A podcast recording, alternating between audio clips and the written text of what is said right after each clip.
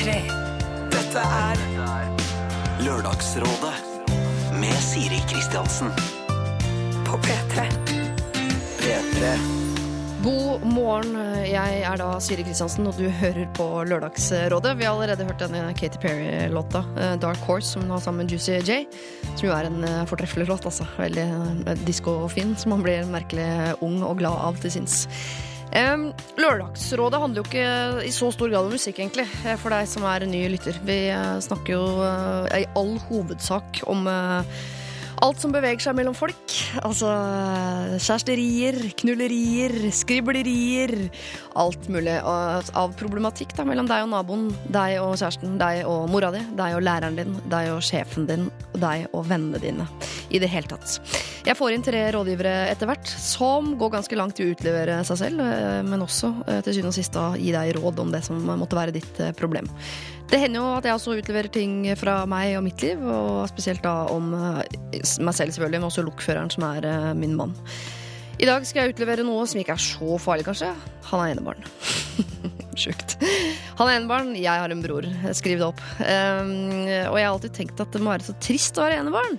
Være helt aleine, liksom. Jeg skulle ønske jeg hadde ni søsken. Jeg savner veldig å ha en søster, eksempel. Jeg har en bror, det er fint, jeg skulle gjerne hatt en søster også. Det virker så kjedelig å være enebarn, eh, men det virker også litt deilig. Han har blitt en veldig sånn staut fyr av det. Trygg på seg sjæl og trives i eget selskap osv. Det er fint, det også. Vi skal innom problematikken eh, om ikke så lenge, faktisk. eh, For det er et press på folk som får barn om at de skal ha flere. Skal han ikke få en bror eller søster, da? Blir det ikke kjedelig å være alene? Vet du hva, Jeg vil anbefale til ganske mange som hører på, at ett barn kan være ganske deilig. altså. Jeg syns flere burde bare stoppe etter ett barn og tenke litt på at mor og far også skal ha det hyggelig sammen. Så det er lov. Eh, hvis du har et eh, problem eh, i dine relasjoner, så send det inn til oss. lralfakrøll.nrk.no. Altså LR, som i Lørdagsrådet. Så skal jeg prøve å løse det så godt jeg kan om litt, eh, sammen med Gaute Grøtta Grav, Christer Torjussen og Bjørn Eidsvåg. Men først så skal vi høre litt fra en som allerede har fått råd av oss, og høre hvordan det gikk. Det får du på andre siden av Kaizers Orkestra. Dette her er Kontroll på kontinentet. Lørdagsrådet. På P3. P3. Det var Kaizers Orkestra, det der. Kontroll på eh, kontinentet.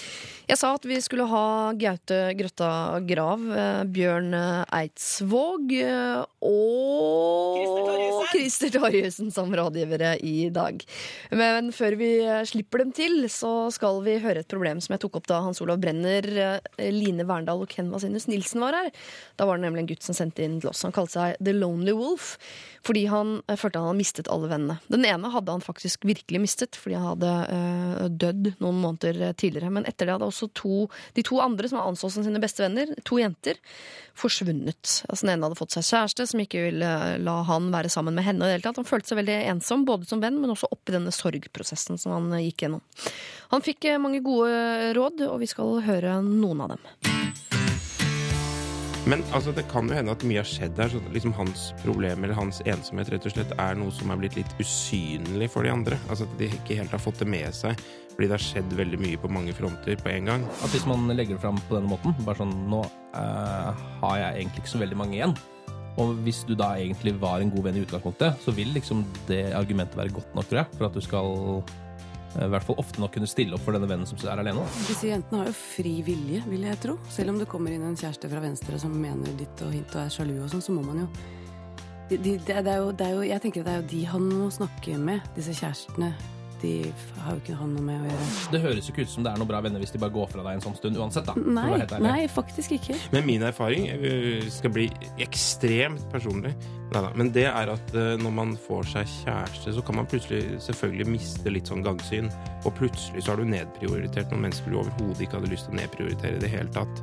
Hvis du hadde tenkt langsiktig og, eh, og hva skal man si, klokt og innsiktsfullt, så hadde du ikke gjort det. Men, men, men ting skjer, og du får det ikke helt med deg. Dette er Lørdagsrådet. På P3. P3. Det er eh, korrekt. Og vi har fått en eh, mail fra denne Lonely Wolf eh, hvor han skriver til oss. Hei. Takk for råd.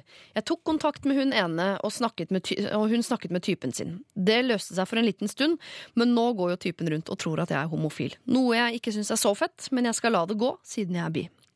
Rådene hjalp meg. Jeg har eh, i hvert fall fått hun ene venninna mi tilbake. Jeg har snakket med flere av mine eldre venner om hvordan jeg har det, og de har brydd seg mer for meg enn jeg trodde.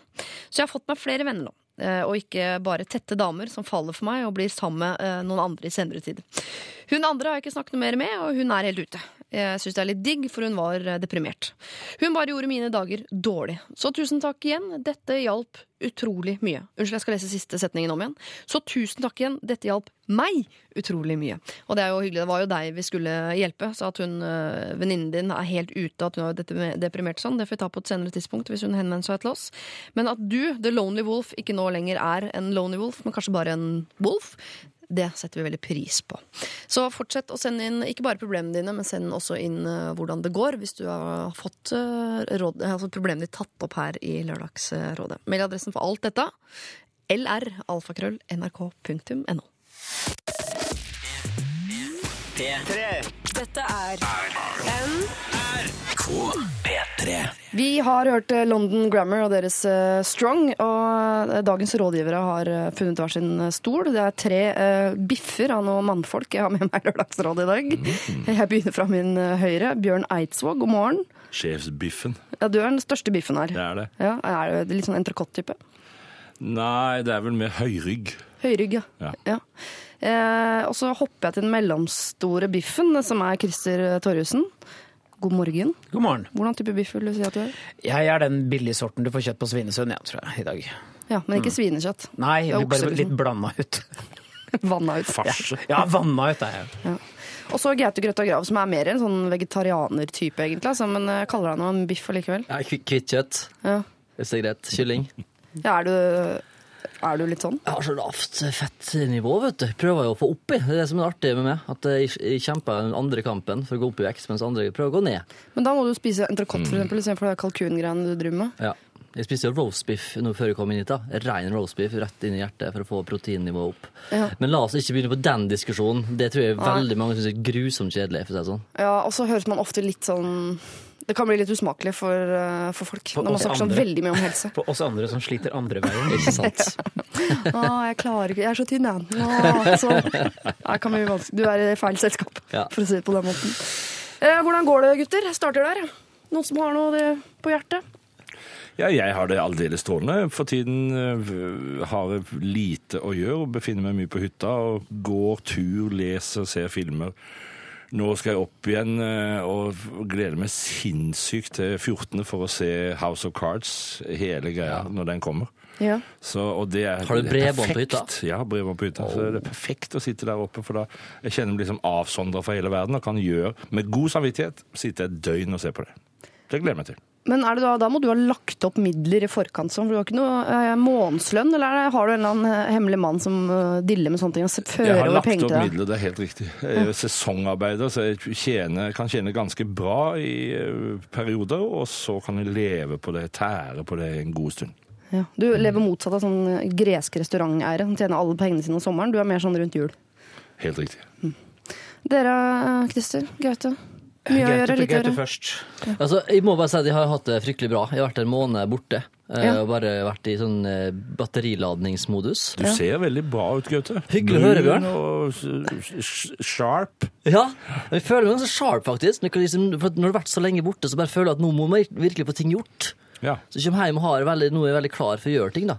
Ny Farmen-runde på gang, altså selvfølgelig til høsten, men jeg har begynt med nå. Jeg skal være på triatlon 12. juli, så jobber jeg knallhardt mot det. da.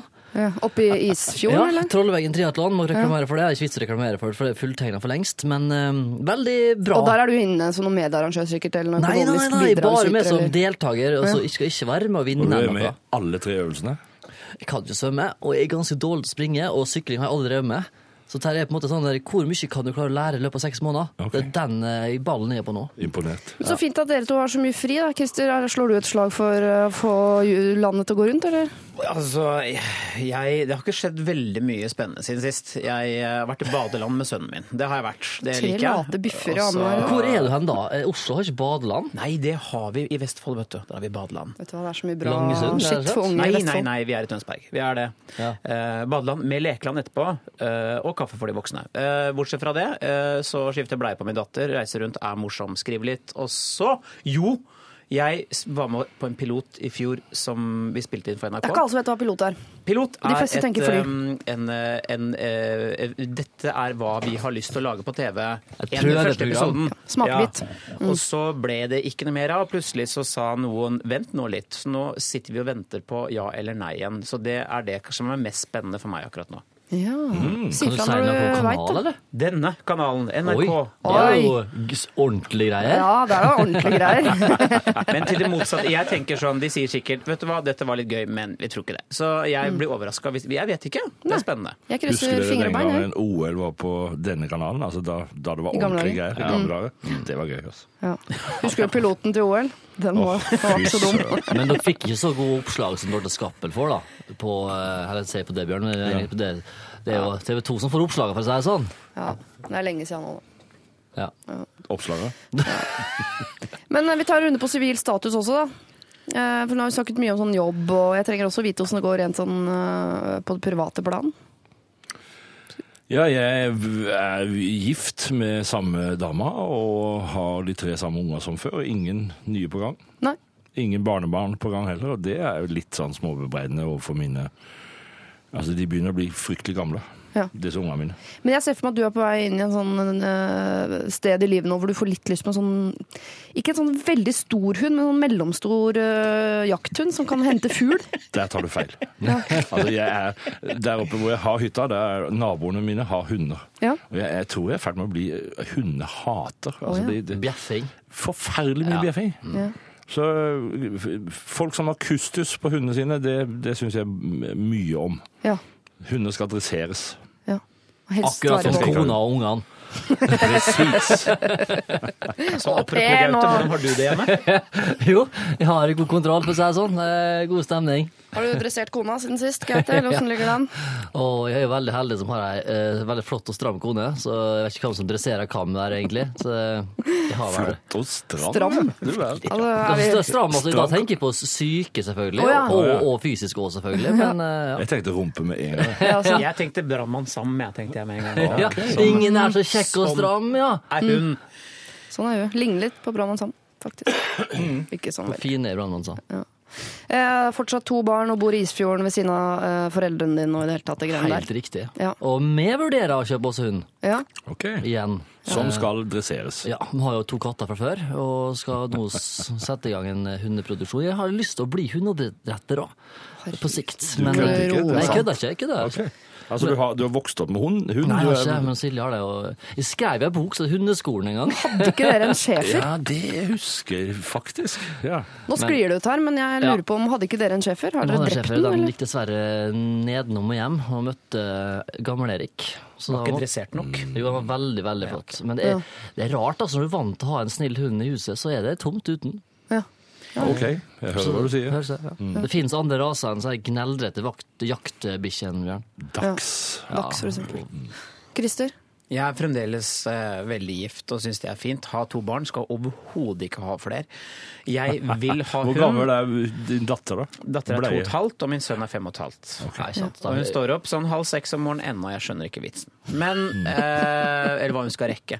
Eh, jeg vil gjerne ha hund, men Hege sier det har vi ikke mulighet til, for du er reiser hele tiden. Jeg ser den. Jeg vil ha katt, men har fått vite i voksen alder at jeg er hyperallergisk mot det, og det er urettferdig, for jeg liker de. Det fins allergivennlige katter, nei, det du. gjør ikke det. Nei, Det men er sånn nakenkatt, det er ingen som vil ha det. Nei, det er sant. Nei, virkelig ikke. Jeg, vil ha, jeg skulle ønske jeg hadde, kunne i hvert fall få en katt, men nei. Det, får, det har Gud bestemt. Eller naturen har bestemt. Gaute, du- du er sånn mythbuster. Du, du har veldig bra peiling på hva som er myter, skjønner Ja, men jeg jeg bor sammen med en dyrlege, da. Det gjør du. Så du får noe intravenøst der.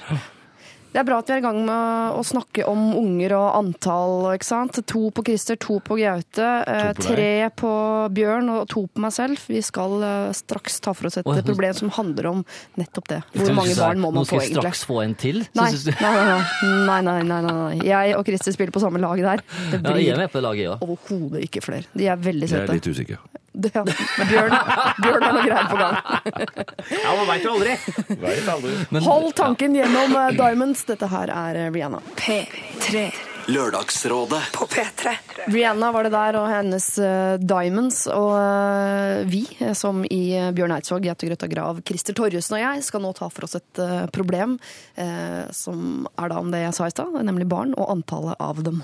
Hei, ærede Lørdagsråd. For noen år siden ble vi foreldre til en datter. Vi var rundt de 30 og hadde opplevd vår del.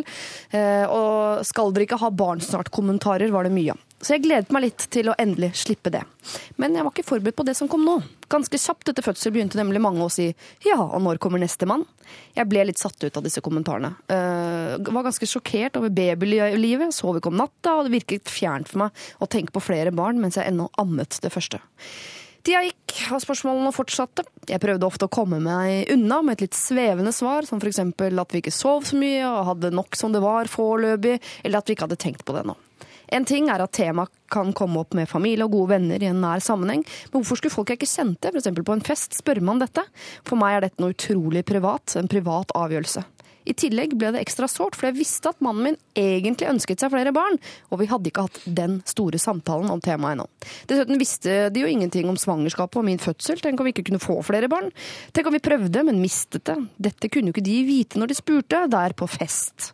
Jeg vet det er mange fordeler med søsken. Jeg har søsken selv, og har alltid hatt glede av det. Jeg vet at øh, fordelen er at man har noen å leke med, fellesskapet versus foreldrene, noen å dele byrden med når vi foreldre blir gamle osv. Og, og jeg hadde egentlig tenkt at vi skulle ha to barn, slik jeg selv også er vokst opp. Men jeg merka etter hvert at jeg var ferdig, altså. Innerst inne vil jeg ikke ha flere barn. Jeg koser meg med dattera mi og syns vi er en fin familie nå, men jeg er ferdig. Så hvorfor er ikke det nok? Folk kan si til meg at selvfølgelig må hun ha søsken, ellers så blir hun altså bortskjemt. Eller nevne enebarn eh, de visste om som var litt spesielle, eller som hadde problemer. Jeg syns det er ganske frekt å si det. Det er ingen forskning som tilsier at enebarn får et dårligere liv enn andre, men myten lever. Jeg merker at jeg blir ekstra var på min datters oppførsel, i tilfelle hun virker bortskjemt, og som et sånt enebarn. Jeg har også blitt veldig bevisst på at jeg ikke sier bare én når noen spør hvor mange barn jeg har. Jeg har ett barn! Det er ikke ifølge norsk standard, men det er helt fint. Altså Det hun spør om her, er ikke 'skal jeg få barn nummer to', eh, selv om jeg jo lukter at noen kanskje kan gi råd i den retning. Og det er lov, noen avsporinger. Men altså, eh, hvordan skal vi få stoppa kjeften på de som spør etter nummer to hele tida? Hvor gammel er dattera nå? Eh, eh, hun er vel sånn to-tre. Ikke sant. Mm. Mye som kan skje fram til folk blir seks-sju år. altså Når dattera blir seks-sju år, så begynner liksom å klirre igjen i eggstokkene, vil jeg si, da. Bare Ja. aller først. Ja. Så jeg, jeg tenker jo at alt håp er ikke ute, hvis det skal være et håp. Og, om å få nummer to, nei. Ja. nei.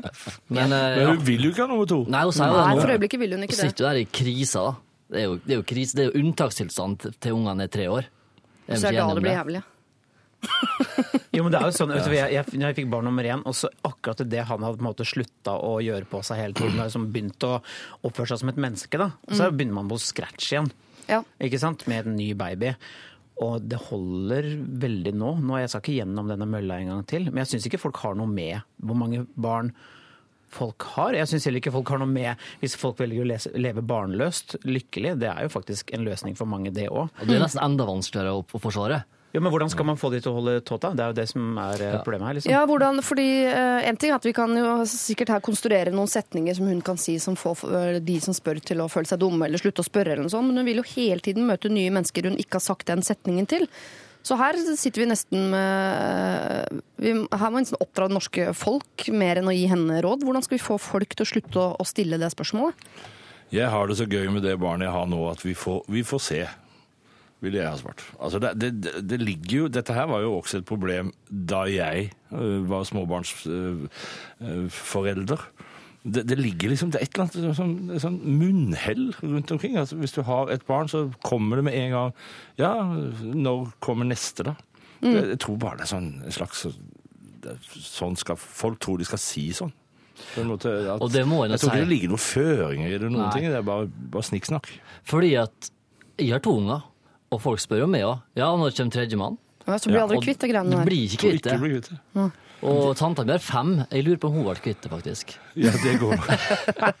Når skal du få færre? Er folk som. Men problemet er at det er, ignoransen der er jo at eh, jeg mener et barn, selv om det er enebarn i dag, omgås jo andre barn i en barnehage. Eh, Det er jo ikke sånn at de, de med ett barn underviser barna hjemme og låser det inne i tilfelle de skulle bli smitta av andre barn. Altså Barn lærer seg å sosialisere seg med andre, så det er jo egentlig ikke et problem. Det er jo bare folk sånn Ja, men du skal, du skal bli en kjernefamilie. Det er jo, det er jo bare folks eh, Hva heter det? Det er ignorant å si, da, egentlig. sånn. Det er jo et valg man tar. Men igjen, jeg ville jo ikke vært uten broren min.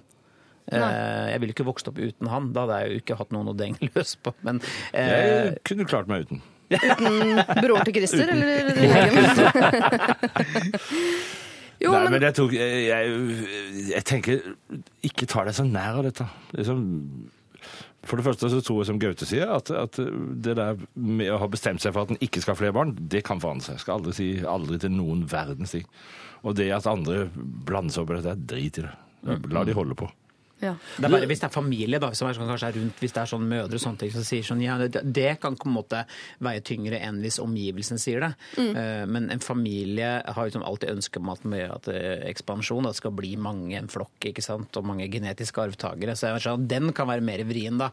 Men det er jo egentlig, jeg tror bare sånn, hvis jeg hadde vært fornøyd med ett barn, som, så hadde jeg sagt at det, det blir med det. Og Jeg syns flere øh, burde faktisk bare ha ett barn istedenfor to. Både i forhold til befolkningsvekst, så den tenner den brannfakkelen, eh, men også i forhold til at eh, familiekonstellasjonen er en ganske sånn skjør greie. Så jeg husker før jeg skulle få nummer to, eh, jeg er jo da sammen med eh, min lokfører, som er enebarn for øvrig, en jævla fin fyr.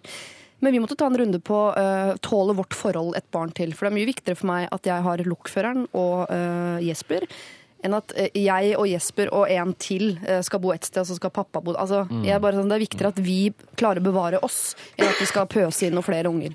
Tok sjansen. Funka for oss, men jeg ser jo at eh, det er mange familier som går fra hverandre etter ett barn eller to. eller Man vet ikke liksom hvor mye et forhold Ja, det verste er de som Tåler. lager et barn til for å se om det kan rette opp et forhold. Da har du bare 3000 nye ting å begynne å krangle om. ja, ja, ja. Eller folk som får et barn til fordi man tror det er det man skal, for det er norsk standard. Ja. Ja, jeg slår et slag for ett barn. Altså, Du kan se mot Kina, enmannspolitikken, eh, men jeg tror ikke det kanskje er veldig bra. For, venninne i økonomien Kina går jo bra i Kina. Kanskje det har hengt sammen med det? der vokser det. Gaute, jeg brøt deg av. Nei, men det er ikke. Det, det går fint. Men hun har altså en kinajente som jeg kjenner, som bor i Kina, er kinesisk. Ett barn. Altså, hun er ett, har ikke En. Kinajente fra Kina som er kinesisk. Det er faen meg flaks. Det er ikke, ikke noe diplomatjente eller noe sånt. Det her er rett og slett born and breed. Ja. Og hun eh, syns det er leit å ikke ha søsken. Ja. Alltid ønsker seg søster. Selvfølgelig. Ja. Og det kan jeg skjønne. Ja. Og det samme hvis du adopterer, kanskje. Det skal ikke si så mye om, kanskje, men tenker hvis noen blir adoptert da, så kommer de inn i Norge og ene barn, og så kanskje føler på hvor er familien min. Altså, er alltid noe sånn, Vi søker alltid etter noe, tenker jeg. Ja. Så, men det betyr ikke at det er feil å være enebarn for det. Nei, men man, det er alltid noe man har lyst på, noe man skulle ønske man ikke hadde. For eksempel, eh, jeg skulle ønske jeg hadde en søster. Skulle, vi skulle gjerne vært tre eller fire søsken i min familie. Sånn ble det ikke. Nei. Jeg tror ikke, altså Man eh, forholder seg til det man har, eller ikke ikke har. Men eh, hun syns det er vanskeligst når fremmede folk spør på fest, og ikke med familie og sånn. Jeg har blitt mer sur på familie som maste, fordi der har man jo mulighet til å sette ned foten og si slutt å mase om det der. Men fremmede folk sier så mye rart uansett. Nå ser Christer så bare 'hva faen, så bra du ser, Christer. Du har blitt så tynn og flott. Trener du mye, eller?' Nei, jeg har blitt sjuk. Altså, sant? Ja. Du veit jo aldri. Du sier så mye dumt i Jeg løpet av har en dag. fått aids, faktisk. Jo, men herregud, Man kan jo plumpe uti med det spørsmålet alle stiller, som er sånn Hvordan går det for tiden? Og så kan det være Nei, vet du hva, jeg har to og en halv time igjen å leve. Altså, Man vet, man vet virkelig ikke når man plumper uti. Så jeg syns det er helt riktig som du sier, Bjørn, at hun må ikke ta det så alvorlig når i hvert fall fremmede folk på fest stiller dette spørsmålet. For det er, det er bare et spørsmål. Folk bare sier ting for å fylle tida, for Ja, å komme ja. i kontakt, for å ha noe å si. Og uansett hva folk sier, så er det hennes liv, det er hennes kjæreste, det er hennes barn. Det er du som bestemmer dette her, så ikke la deg, ikke la deg presse i noen som helst Det retning. her er en ny låt der, Bjørn. Jeg hører det. Kjære enbarnsmamma, du har muligheten nå til å sette en ny uh, norsk standard. Uh, og jeg vil gi deg det ene rådet at ikke, ikke ta det så alvorlig. Altså, Si fra til familien din, men til folk der ute som bare spør på fest. Ikke ta det så alvorlig. Og så vil jeg også gi et råd til til det norske folk. Slutt å spørre om det der. For det kan faktisk hende, som du sier her. Tenk om ikke de kan få flere barn. Jeg tenker hvis de prøver ikke få, Altså et eller annet. Man skal være litt forsiktig med hva man uh, spør om. I hvert fall sånn over en øl eller en korona eller hva, hva det nå skal være på fest. Ho, ho, ho! Ja, det er ikke mye søvn for tida. Ikke sant? Da har hun lagt ti kroner på automaten. Da har hun samtale gående.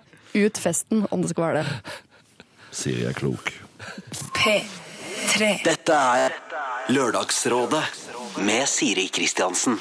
Panderosa var det der med Onkel P og de fjerne slektningene, og nå skal vi ta et eh, jaktproblem, og jeg tror det må være første gang her i Lørdagsrådets eh, historie. Heldigvis har jeg med meg eh, tre store biffer til å løse det. Gaute Grøtta Grav, Christer Torjussen og Bjørn Eidsvåg. Jeg leser. Hei, jeg sender inn dette problemet på vegne av jaktlaget mitt. Vi har en fyr, kall han gjerne Vidar. Han er med i jaktlaget, og han er ikke til å stole på. Under hjortejakt er det viktig at alle samarbeider for at fellen skal fungere, og man skal greie å skyte hjorten. Under siste jakt gikk det hele dagen uten at vi så synet av en hjort. Men vi hadde følelsen at det var en god dag, så vi satt lenge. Det hadde hoppet en hare rundt i området hele dagen, som alle hadde sett. Men selvfølgelig hadde ingen, skutt den, siden det ville jo skremme vekk enhver hjort som nærmet seg. Plutselig skyter Vidar.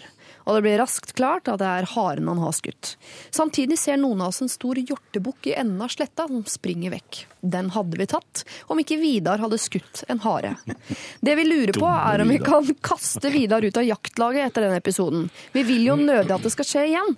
Samtidig er det jo noen ulemper ved å kaste han ut. Vi har fått låne foreldrene, hans foreldres hytte noen ganger, osv.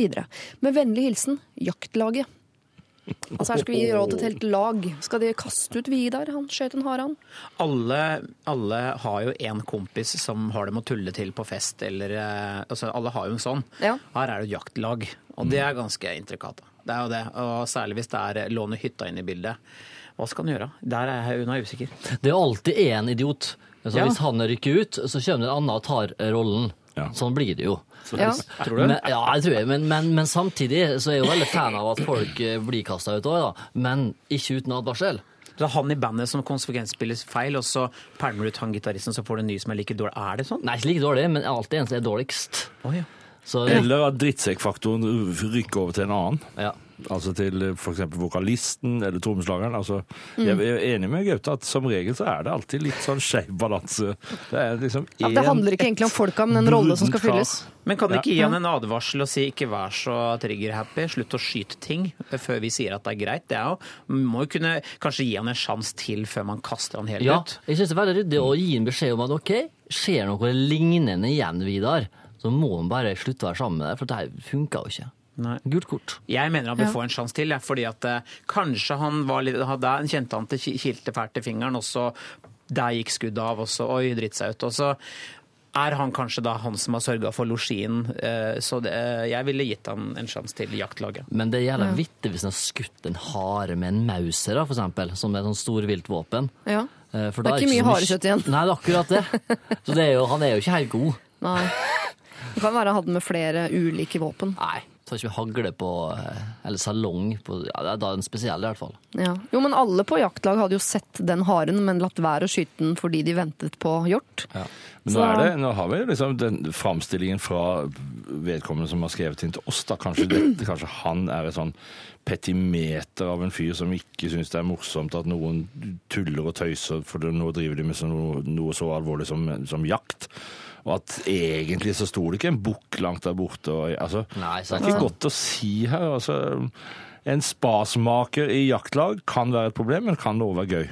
Altså Hvis Vidar er han som etter de har vært ute på jakt, når de kommer tilbake til hytta og tar seg en øl og sånne ting, hvis Vidar også er han som begynner å gråte Ja. jeg, jeg er tjukk, jeg er dum, jeg. Da er det kanskje på tide å si Vidar, du er ikke Jeg tror ikke du passer inn. Men jeg, jeg, jeg har en følelse av at Vidar egentlig er en OK fyr, men som bare er litt for trigger-happy. Jeg ser for meg at Vidar også har den rollen i enhver guttegjeng, som er han som kler seg naken på fest og rører skulle drinkene med tissen si sin. Men da er det ut hvis han Jeg gir han Er en det sjanse til. Nei, Ja, ikke det bra, er jo absolutt inn. er det sant? Ja, ja, ja. Alle må ha en sånn, så ikke det blir jo dødskjedelig på fest. Ja, du sier noe. Ja, og da begynner Ikke min drink, i hvert fall. Ja, nei, sin egen drink, Sin egen drink, det er greit. Men fordi jeg også ser for meg, hvis jeg har snudd på dette her, for det er ikke alle som synes det er veldig lett å sette seg inn i det der med jakt. Det er ikke alle som har det bildet veldig sånn klart i hodet.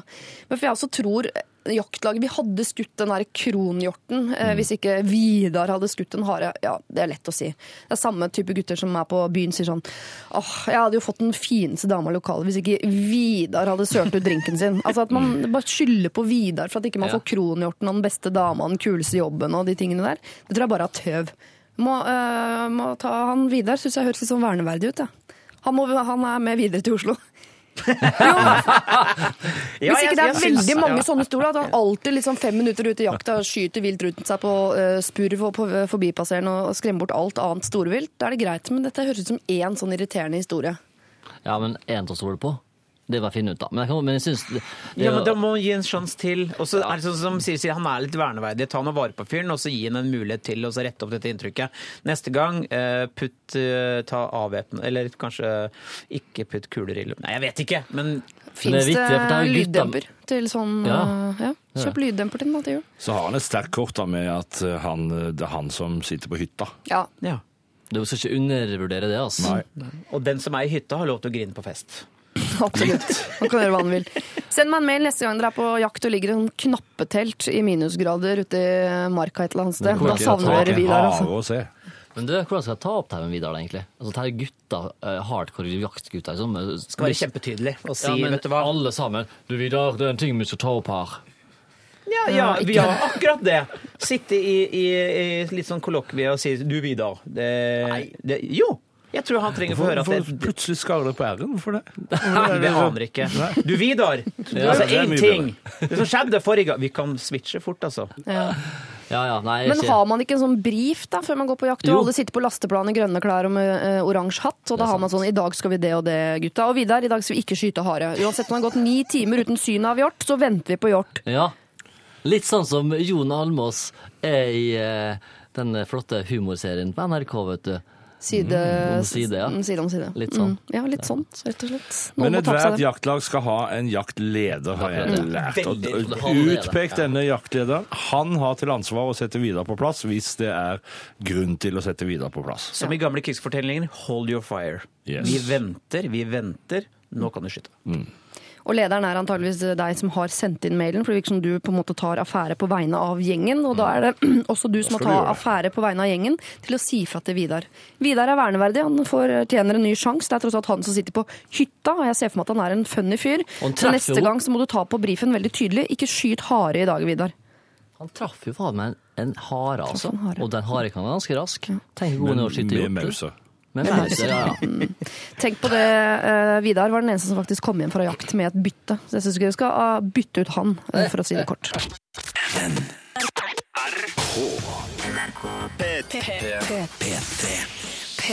Ikona Pop og hennes All Night hørte vi der. Og eh, Bjørn Eidsvåg, du spurte tidlig i dag, eh, siden, dere bare var, eh, siden dere var tre menn i rådgiverpanelet i dag, om jeg hadde eh, tenkt noe på det i forhold til hva slags type problemer vi skulle ta opp og sånn.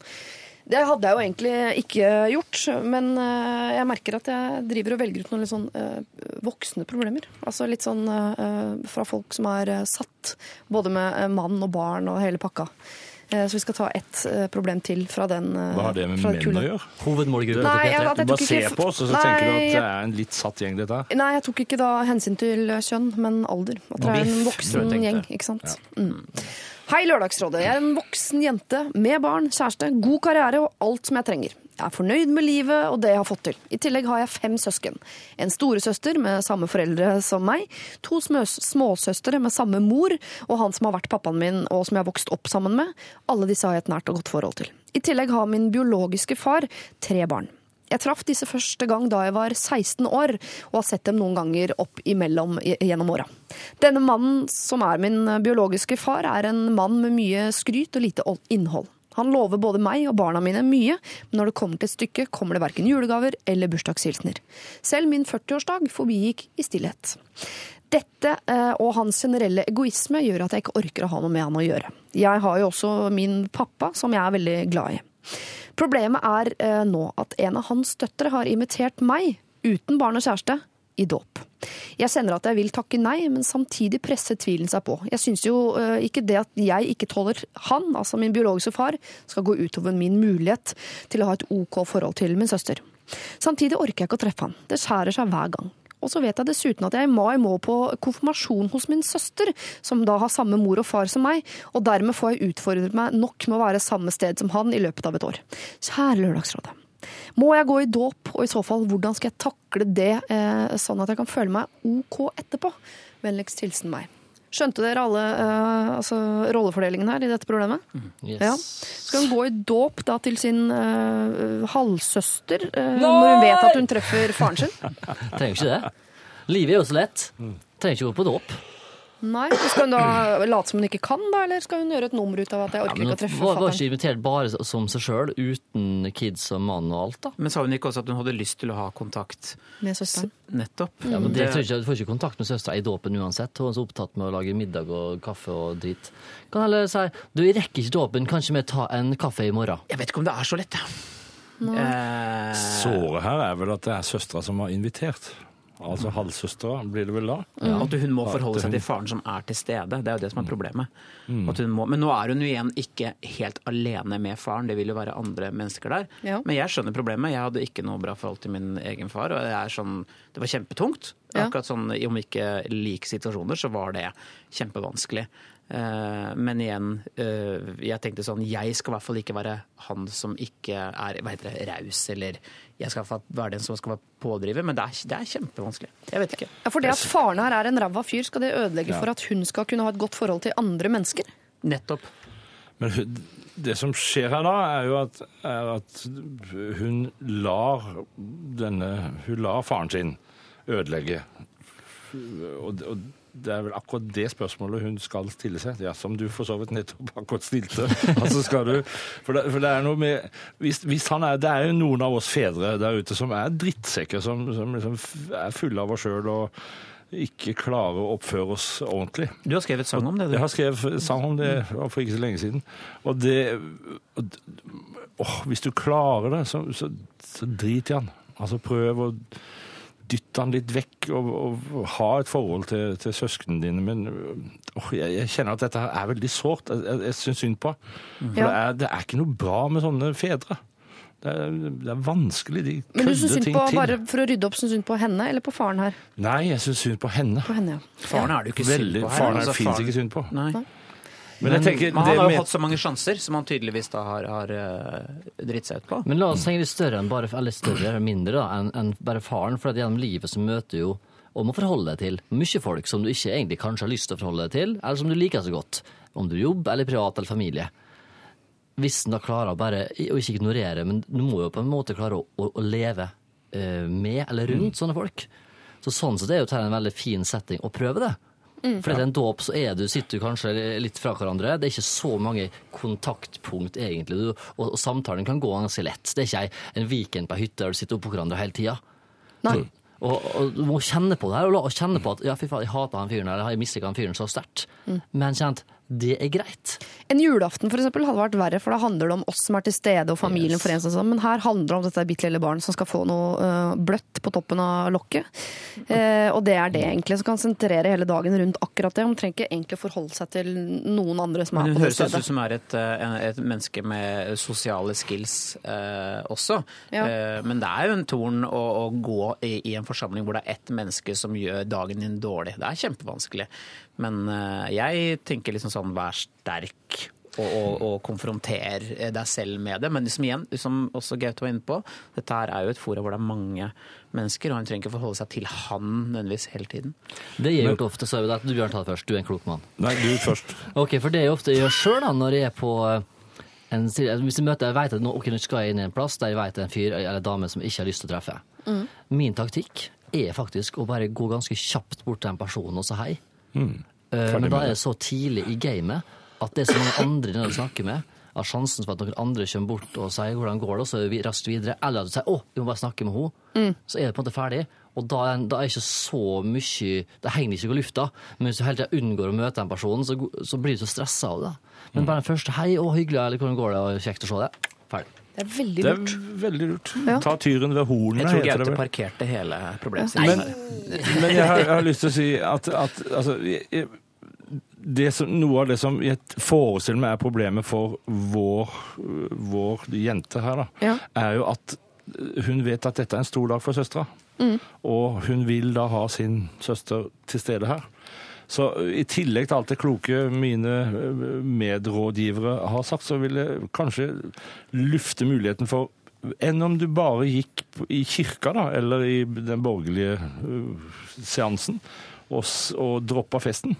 For da har du på en måte da har du gitt en del. Da har du vært i en sammenheng, og du har gitt litt til søstera di. Og du slipper å konfronteres med faren din så mye. Og så er det en ting at eh, hun valgte ikke faren sin, faren eh, valgte henne. Eh, det er en tung ting å si. Men hun har ikke valgt han som pappa, og trenger dermed heller har ingen forpliktelser overfor en fyr som tydeligvis ikke innfrir da, så i den papparollen han burde ha gjort. Nei, og Nå er jeg også godt vant til at alt han, han kommer sikkert og sier 'Å, jeg gleder meg sånn til sommeren, for da skal komme og besøke dere', eller til så, ja, bla, bla. Det er mye sånne ting han kommer sikkert til å si. Hun vet at det ikke er sant. Bare la det gå. Det er bare skryt, ikke noe Ja, bare si, ja, ja, ja, så hyggelig. Og så bare Ikke, ikke begynne å si 'Ja, er du sikker på at du vil komme', bla, bla, bla, sette frem kalenderen. Ikke begynne med det. Bare si 'Ja, så koselig. Ring da når du er klar'. Eller ring. Snakkes. Jeg synes det er veldig deilig at ingen av dere har gått eh, hardt inn i det der. Ja, hun må jo øh, eh, finne ut av det med faren sin og sånn. For jeg har jo sikkert mange ganger opp igjennom i Lørdagsrådet sagt sånn Det er lov å velge bort familie. Men det er litt vanskelig Altså det er veldig sånn eh, det er et veldig tydelig budskap å velge bort familie, og jeg syns pappa her vinner hvis hun velger det bort i så stor grad at hun ikke dukker opp i dåpen og sånn. Jeg synes det er bedre om hun faktisk klarer å velge sånn Jeg velger øh, til en viss grad bort pappa, men i sånne settinger hvor vi møtes, så, eh, så dukker jeg opp og gjør ikke noe stort nummer ut av det. For hvis, det, hvis han skal begynne å sette hindringer, da, da har du jo ikke valgt ham bort. Hvis han skal sette hindringer i ditt liv, så har du ikke valgt ham bort. Da er han jo mer til stede enn om du overser ham på dåp og de tingene som han må gjennom. Ja, Mest sannsynlig så vet jo omgivelsene også om hvordan dette forholdet også er. Mm. Hun er jo ikke alene, tenker jeg. ikke sant? De fleste har vel skjønt at han kanskje er en talker og ikke en dur, Ja. som det heter på amerikansk film. Men selv om vi har en dustete far eller en dustete mor, så har vi jo, mister vi aldri håp om at den, det dusteriet skal gå over. Altså Det er på en Nei, måte det- mamma og pappa. Så det er, dette er, det er ikke lett å velge bort sin familie, men jeg, jeg heier på det hvis det går an. Og det kan jo være han er en veldig god far til altså den uh, runde nummer to her. Altså disse det er tre nye barna. Altså, ikke sant? Det er bare den første runden. Det skar seg. Og så har han valgt, som mange gjør, Det bare legge det bak seg. det tror jeg vi med sikkerhet kan si at han ikke er. Tror du det? Ja, jeg tror, Er du en dårlig far for ett kull, så er du det for to kull. Nei, jeg har faktisk opplevd det motsatte. Ikke, Har du det? ikke, ikke selv, altså, men jeg har sett eksempel på det. Ja. Altså, Ja, det er At- som du sier, du må legger det forrige Ja. livet bak seg, og så er det full fokus på det nye. Så det Jeg ville trodd at hvis du, legger, hvis du innser at du har vært dårlig far for kull én, så vil du gjøre hva du kan for å rette det opp uh, i I runde etterkant. to, ja. For kull to, ja. Ja, nei, og overfor kull igjen. Ja, det, ja, ideelt sett så burde den vært sånn, men det er ikke sånn. For da kommer en ny kone inn i bildet som, er, som skal på sin måte. Nå skal i hvert fall ikke ødelegge det ekteskapet. Nå Og så er man flau kompensere. for at man gjorde det dårlig for Ja, de ja. som har tøkk å si det i øya. Vet du hva? Jeg Han skulle få en T-skjorte av meg hvor det står 'Jeg er en dårlig far, men ikke nødvendigvis en dårlig fyr'. Jeg Det innser skal at jeg dette trykke er ulempen med å ha vært gift med samme kjerring i så mange år. Ja. Mm. Er det, eh, bruker du kjerring som et hyggelig ord? Som et veldig hyggelig Som ord. et hyggelig ord. Ja, for det er noen som gjør det. Det glemmer man noen ganger når man hører det ordet. At det er noen som bruker det som et koseord. Alt i kringen er sært, betyr det jo egentlig. Har jeg lest yeah. på latin. Eh, Jeg tror vi stopper det der, eh, og vi går ut på rådet fra Gaute, rett og slett. Du går i den dåpen, og det første du gjør er å gå bort og si sånn eh, 'Hallo, fatter'n, går det bra?' 'Oi, jeg må tisse'. Da har du på en måte gjort det du skal, og så nyter du dåpen sammen med noen andre folk, eh, vel vitende at du har gjort din plikt. Du har hilst på faren din, og du har møtt opp i dåpen, ergo du kan få et godt forhold til din søster også i framtiden. God tur! Lørdagsrådet med Siri Kristiansen. På P3. P3. Linda Thomsen eh, hørte vi der eh, med The Captain and Me. Det har seg sånn. Altså Lørdagsrådet som du hører på nå, det er jo uh, typisk radio. Klassisk radio, vil jeg si. Uh, dypt inspirert av uh, blant annet Frasier. ja da. Jeg går ganske langt i å påstå at jeg ikke selv har oppfunnet dette kruttet du nå er en del av, men dette er altså klassisk radio. Vi lager også nokså klassisk TV. Det vil si, vi har en TV-variant av Lørdagsrådet, hvor vi får de samme kjendisene som vi har med her av og til, og noen attåt, til å skli langt ut på isen eh, og utlevere seg selv, men også da til syvende og sist skulle hjelpe deg med dine problemer. Eh, Vi gjorde jo dette i fjor, og vi gjør det igjen eh, i år, og jeg gleder meg veldig. Det er nå 1. og 2. april går vi i gang med de første sendingene. Og da skal vi være på Kulturhuset i Oslo. Og det som er så fint, er at ikke bare skal jeg ha med da noen kjente folk til å hjelpe deg med dine problemer, men du kan få lov til å være med og se på. Altså du kan få være publikum på denne sendingen. I fjor var det eh, en fest. Altså, det føltes eh, som en fest. Vi var på et utested, det var kjendiser, det var preik om problemer. Altså, det føltes som en eh, hyttetur med noe attåt, hvor alle var invitert, på en måte. Så det, det anbefaler jeg på det sterkeste. Eh, hvis du vil være med på dette, så foreslår jeg at du går inn på Facebook-siden til Lørdagsrådet. Ja, for vi er medlem av Facebook, vi også. Eh, og der kan jo hvem som helst klikke seg innom. Og der ligger det en eh, link, og da kan du melde deg på som eh, publikum. Eh, Det er en gyllen anledning til å se eh, kjente folk eh, drite seg ut, rett og slett. Får, fordi det, en ting er jo å se det på TV, det er gøy det, men når du er til stede på Kulturhuset, så får du også se eh, in real life, behind the scenes, på en måte. For du ser alle de tingene som er klippet bort. Eh, kanskje jeg heller får se de både før og etter sminke, og idet noen snubler opp på scenen, og idet man har sagt noe stygt som blir pipa ut, og idet man faktisk ikke blir bedt om å holde tåta. Altså, alt det der. Alt det der! Det har man mulighet til å bevitne. Eh, men da må du også gå inn på Facebook og melde deg på der. Det var eh, de små Tromsø-guttene, The Wolves, Let's Skate This eh, Town, vi har hørt. Og vi skal, I og med at jeg har tre menn her i dag, så skal jeg stille et spørsmål på vegne av single, ikke bare damer, men single babes. Christer Torjussen, Gaute Grøtta Grav, Bjørn Eidsvåg, eh, spiss ørene. Kjære Lørdagsrådet, jeg har et spørsmål som ikke er direkte personlig, men litt mer generelt. Jeg er i en venninnegjeng på fire venninner. Vi har alle flyttet til Oslo og stortrives som 23 år gamle single studenter. Vi er utrolig nærme og prater om alt, men det er ett problem vi aldri blir enige om, og det er hvordan sjekke opp gutter. Da mener jeg ikke hvordan man fysisk går bort en gutt ute på byen eller på en kafé, men hva gjør man etter at man har fått gutten man er interessert i på tråden? Jeg er veldig rett fram, jeg kan ikke fordra å spille spill og vente i tre dager med å svare på en melding fra en gutt. Jeg er kanskje litt for ubeskjeden og tenker at jeg bare må være meg sjæl nå, ellers kommer han ikke til å takle meg senere. Venninnene mine er mye mer opptatt av at dette med å svare på en perfekt måte, med alle de rette smilefjesene og på det perfekte tidspunkt. Jeg understreker at vi fremdeles alle sammen er single, og ikke har kommet særlig mye lenger enn første, andre date med en gutt, uten at jeg mener at det er annet enn tilfeldig. Eh, sier ikke at dette må være enten eller her, men er interessert i å høre hva dere mener er rett. Ha en fin dag med vennlig hilsen evig single babes. Altså, Hvordan holder man på den eh, kontakten? Hvordan, man, hvordan får man gutten interessert utover den første eh, 'hei, hva heter du'? Vet du hva? Kan jeg få fortelle litt om en fyr jeg møtte nå i Thailand? Ja.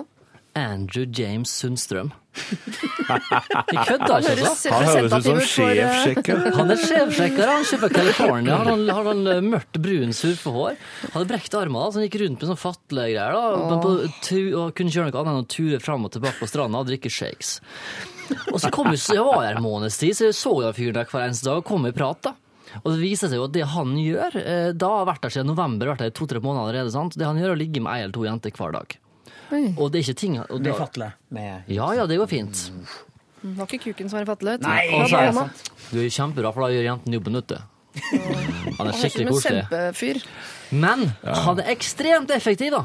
Ja. Han bare går bort til ei jente, og så sier han trikset mitt er å gå rett på sak. Ikke nødvendigvis å snakke så mye sånn eh, jeg vil ligge med det, men begynner å bruke, han er veldig fysisk. ja.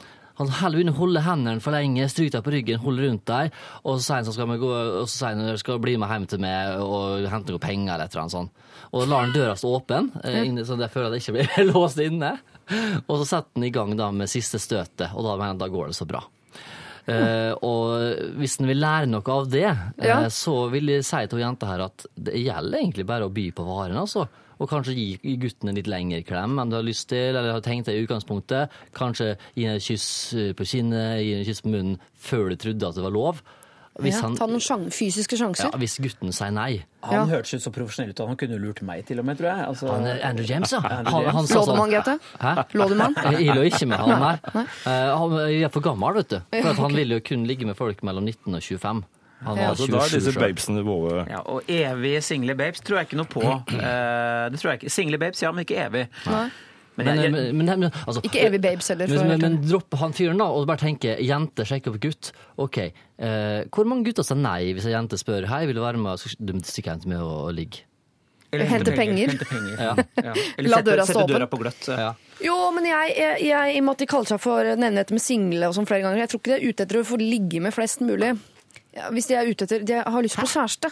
Og jeg har lyst på kjæreste. Ja, for at de har ikke noe problem med å gå bort til en gutt. Og, altså, den første, de har vært på én og to dates sånn. De vil bare, hvordan får man denne gutten her til å bli liksom, forelsket? For hun sier sånn Jeg, jeg må vite at han takler er meg seinere. Jeg, jeg likte Andrew. Ja, så jeg er veldig glad for at vi ble sendt med Andrew. Og det er masse å lære av han, men eh, han er jo også singel, vil jeg anta. Ja, han, han er evig singel. Han Han, vil ikke bli gifte seg. Han- han ville vært den største krisa i verden å måtte ligge med ei dame resten av sitt liv. Vet du hva? Jeg tror ikke noe på at han har brekt armene.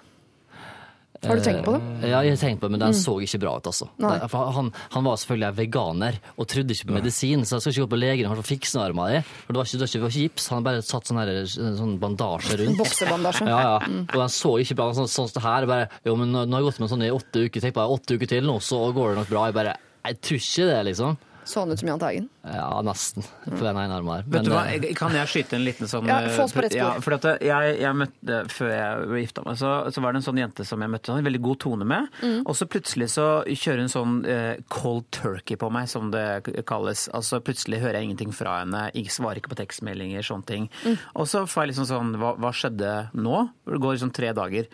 Og så sier hun plutselig nei, jeg vil bare se hvordan du liksom reagerte på at eh, jeg ikke liksom skulle være sånn spill. da. Ja. Og jeg ble sånn, du, vet du hva, jeg er 36 år, ass. Jeg orker ikke det greiene her. Sånn, altså, og da ble jeg liksom uinteressert selv, da. Så jeg tenker at liksom, send en melding, og får du også svar på den. Og så, du trenger smilefjes, ja vel, men det der med at det, riktig timingen, det er jo et sånt kjempeprosjekt. Liker man noen, så lik, gjør man ikke det, Bjørn? Jeg vet ikke. Fins det rett timing i kjærlighet? Altså, Jeg er enig med altså, Liker man noen, så liker man noen. Det er noe der. Altså, og, og jeg vil òg si kjør på. Altså, vær Raus. Ja, vær, altså, vær tydelig på hva du vil. Altså, vis at du er interessert av den Nå høres jeg ut som en sånn gammel bestefar som sitter og gir råd her, men det, det men jeg veit ikke så mye om dette. Men, men jeg bare kjenner det at de jentene som har eh, liksom, som har henvendt seg til meg, som jeg syns er spennende å snakke med, de er litt frekke.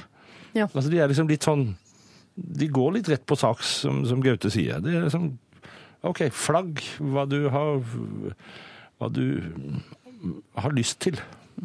Også, men hvis jeg om å gjøre å få seg kjæreste Nå har vi vært veldig på den liggegreia. jo, men flagg hva du har lyst til. Du kan også gå på hva Ja, du vil i livet. Jeg, jo, jeg, vil, uh, ha enebolig og 2,4 barn. Det kan være liksom Ja, ja. by på Men det er jo sånn, kanskje ikke være for sånn altså, snakke om at vi skal gifte oss om seks måneder, jeg nettopp møtt deg. Det er jo stress uh, for alle. Det er stress. Ja, det er veldig stress. Og det, uh, men jeg har lyst til å møte deg mer. Jeg syns du er kul å, å Jeg liker deg. Det er, jeg syns det er så enkelt, Jeg jeg. blir glad av å være sammen med det. Ja! Ja. Nettopp Å, dette er sånn- fine ting. Ikke sant? Ja. Bare sånn at jeg, jeg, jeg gleder meg til, vi skal, til jeg ser deg neste gang, for du er så kul å være med. Altså, Ja. Så enkelt som det. Altså. Jeg tenker Hvis jeg og du hadde gjort det, har ikke vært jævlig fett. Eller kanskje man bare skal være veldig sånn uh, direkte, men i nuet. At man er veldig opptatt av å fortelle 'dette er hyggelig, jeg liker deg', men ikke være så veldig direkte på hva man tenker framover. For det kan være litt sånn skremmende. Men så er det jo ikke det er vanskelig for oss å gi liksom oppskrift på hva, hvordan alle jenter skal henvende seg til alle gutter. For det er jo sikkert like mange svar på som det fins gutter der ute.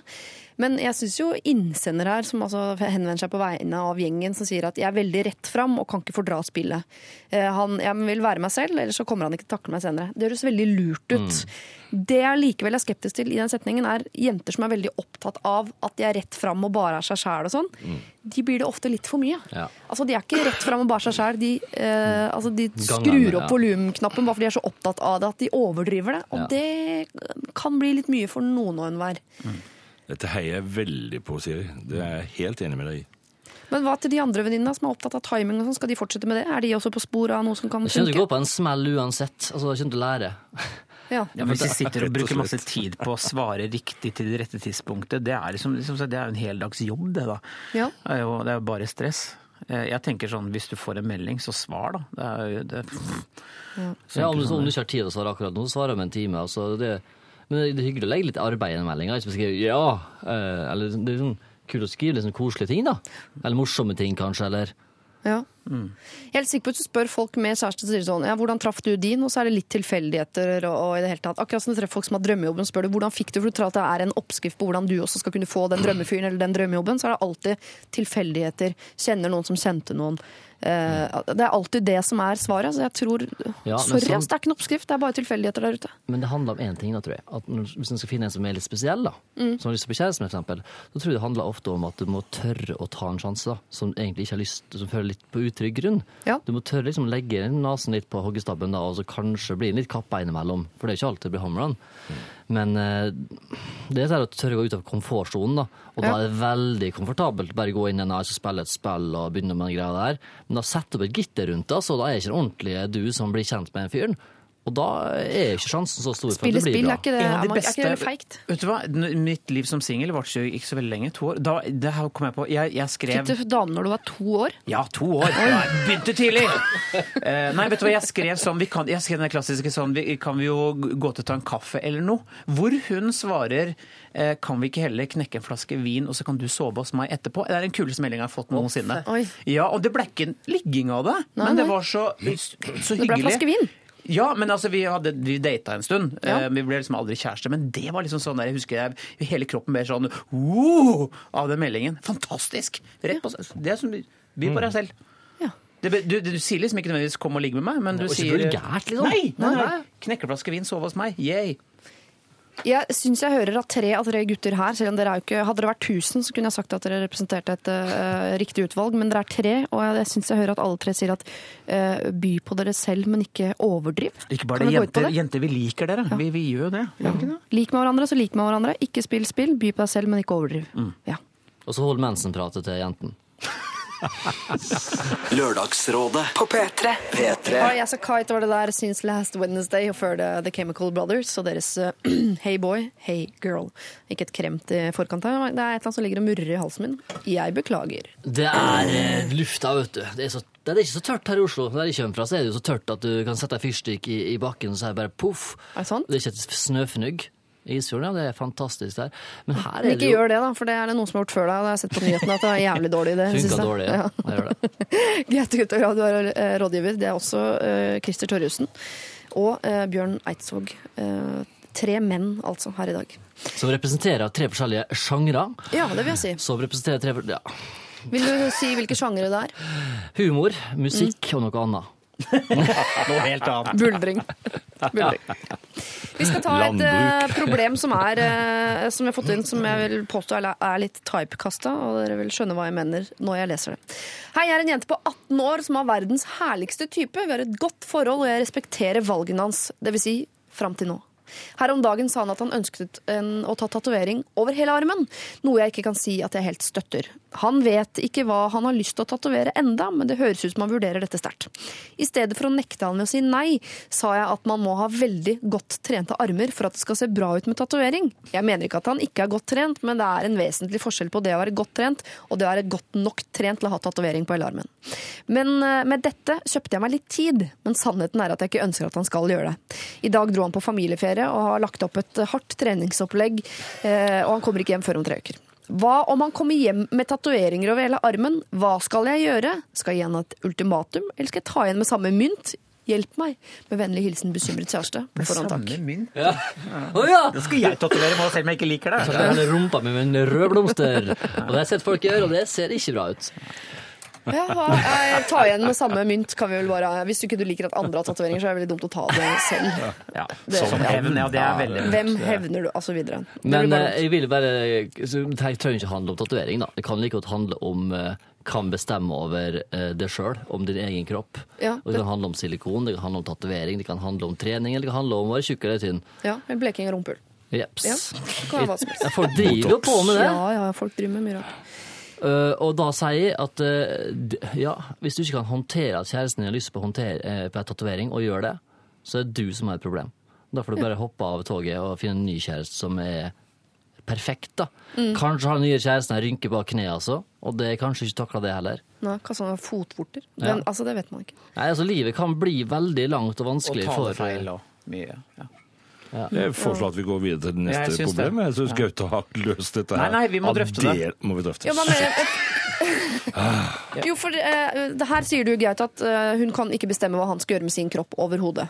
Eh, Men hvis man er i et forhold, så skal man vel ta litt hensyn til hva uh, hverandre liker. Hvis han har jo gått inn i dette forholdet tatoveringsfri, Og da bør han vel ta en runde med kjæresten på om han skal forbli det eller ikke. Jeg okay. sier ikke at hun har mulighet til å sette det som et ultimatum, men det bør vel tas opp til diskusjon. Ja, men la oss si det sånn. Hvor uh, Kan vi andre få slippe til? Ja, ta Christer, kjør på. Nå er det mye, altså. Vi har jo, vi, vi har jo en tatoveringsekspert her. Han har jo armen full, så du har sikkert veldig så til å Christer, forsvare go. Men dette er gjort over tid. Jeg tok Ja. ikke hele armen da jeg var 18. Hadde jeg gjort det, så hadde jeg sittet med mye ræl nå. Dette er et prosjekt som har gått og vart over lang, lang tid, og har eh, fucka meg systematisk opp. eh, Og nå er i ferd med å ta resten, ja. Men nå er jeg, jeg, er voksen. Jeg angrer ikke på det. Jeg vet at kanskje kona mi ikke syns at eh, alt på armen min er like lekkert, men det er jo en del av meg, og det har hun valgt å leve med, da. Og det må vel hun også gjøre. Men jeg ville, som råd til en 18-åring som sier jeg skal dekke hele armen min nå, eh, begynn gjerne med én, og legg på en ting til og en ting til, og så ser du etter hvert. Det er gøy å bygge gradvis istedenfor å køle ned alarmen armen når du er 18. for det er jeg redd for at du tenker kanskje om ti år at ja ja, ok, jo. Men igjen, jeg angrer jo ikke på noe av det. Selv om det ikke, ikke det er ikke helt sant, Christer. fordi du sa nemlig tidligere i dag eh, at eh, en av tatoveringene dine har du tatovert bort med å tatovere noe annet over, så da har du vel til en viss grad angret litt på den tatoveringen du valgte å men denne dekke tribalen, som Ja. min, min tramp-stamp rundt armen, Ja. eh, har bare liksom dekka litt over, så den ikke syns at det er Så du angrer tribal. litt på den tribalen? Nei, det bare var ikke så fint. Men det var mulig å klasje på, da. Men Bjørn, hva syns du, da? Nei, jeg syns som Gaute altså at man må respektere eh, andres valg. Altså, det, det er klart at Du kan være uenig, og du kan diskutere. Hvis, altså, hvis min kone hadde kommet hjem og sagt at hun ville tatovere brystene sine eller armene sine, eller hva det måtte være, så, så hadde jeg slitt med det. For jeg syns hun er utrolig fin uten. Mm. Men, men jeg kunne jo ikke ha sagt nei. altså Jeg kunne jo ikke ha stoppa det. Altså hun, hun gikk inn i et forhold med en gutt som veide eh, kanskje 70 kilo. Så ja. Ja. Altså med meg. Ja, ja, jeg, jeg har jo på en måte gjort noe med kroppen min, jeg òg. Jeg trodde du mente at du har fått forhold til en mann på 70 kilo nå. Det hadde vært så trist. Men jeg må få arrestere litt på én ting. Det der, du må ha veltrente armer for å se deg ut med tatovering. Det går ikke an å si, for du kan ikke være like veltrent hele livet. Du kan ikke ha powerarmer eh, ut livet. Det går ikke. Så du, stryk den der. Eh, Jeg skjønner de andre argumentene hennes, men å si at han skal være veltrent for å ha det, det er tull. Men Hun har kjøpt seg tid, da. Ja. Ja. Men det hun kan være imot, da, som kan sette fingeren eller sette foten ned for, er hvis hun heter Synnøve, og han skriver 'Jeg elsker Guri'. Ja. Eh, Det er en dum tatovering.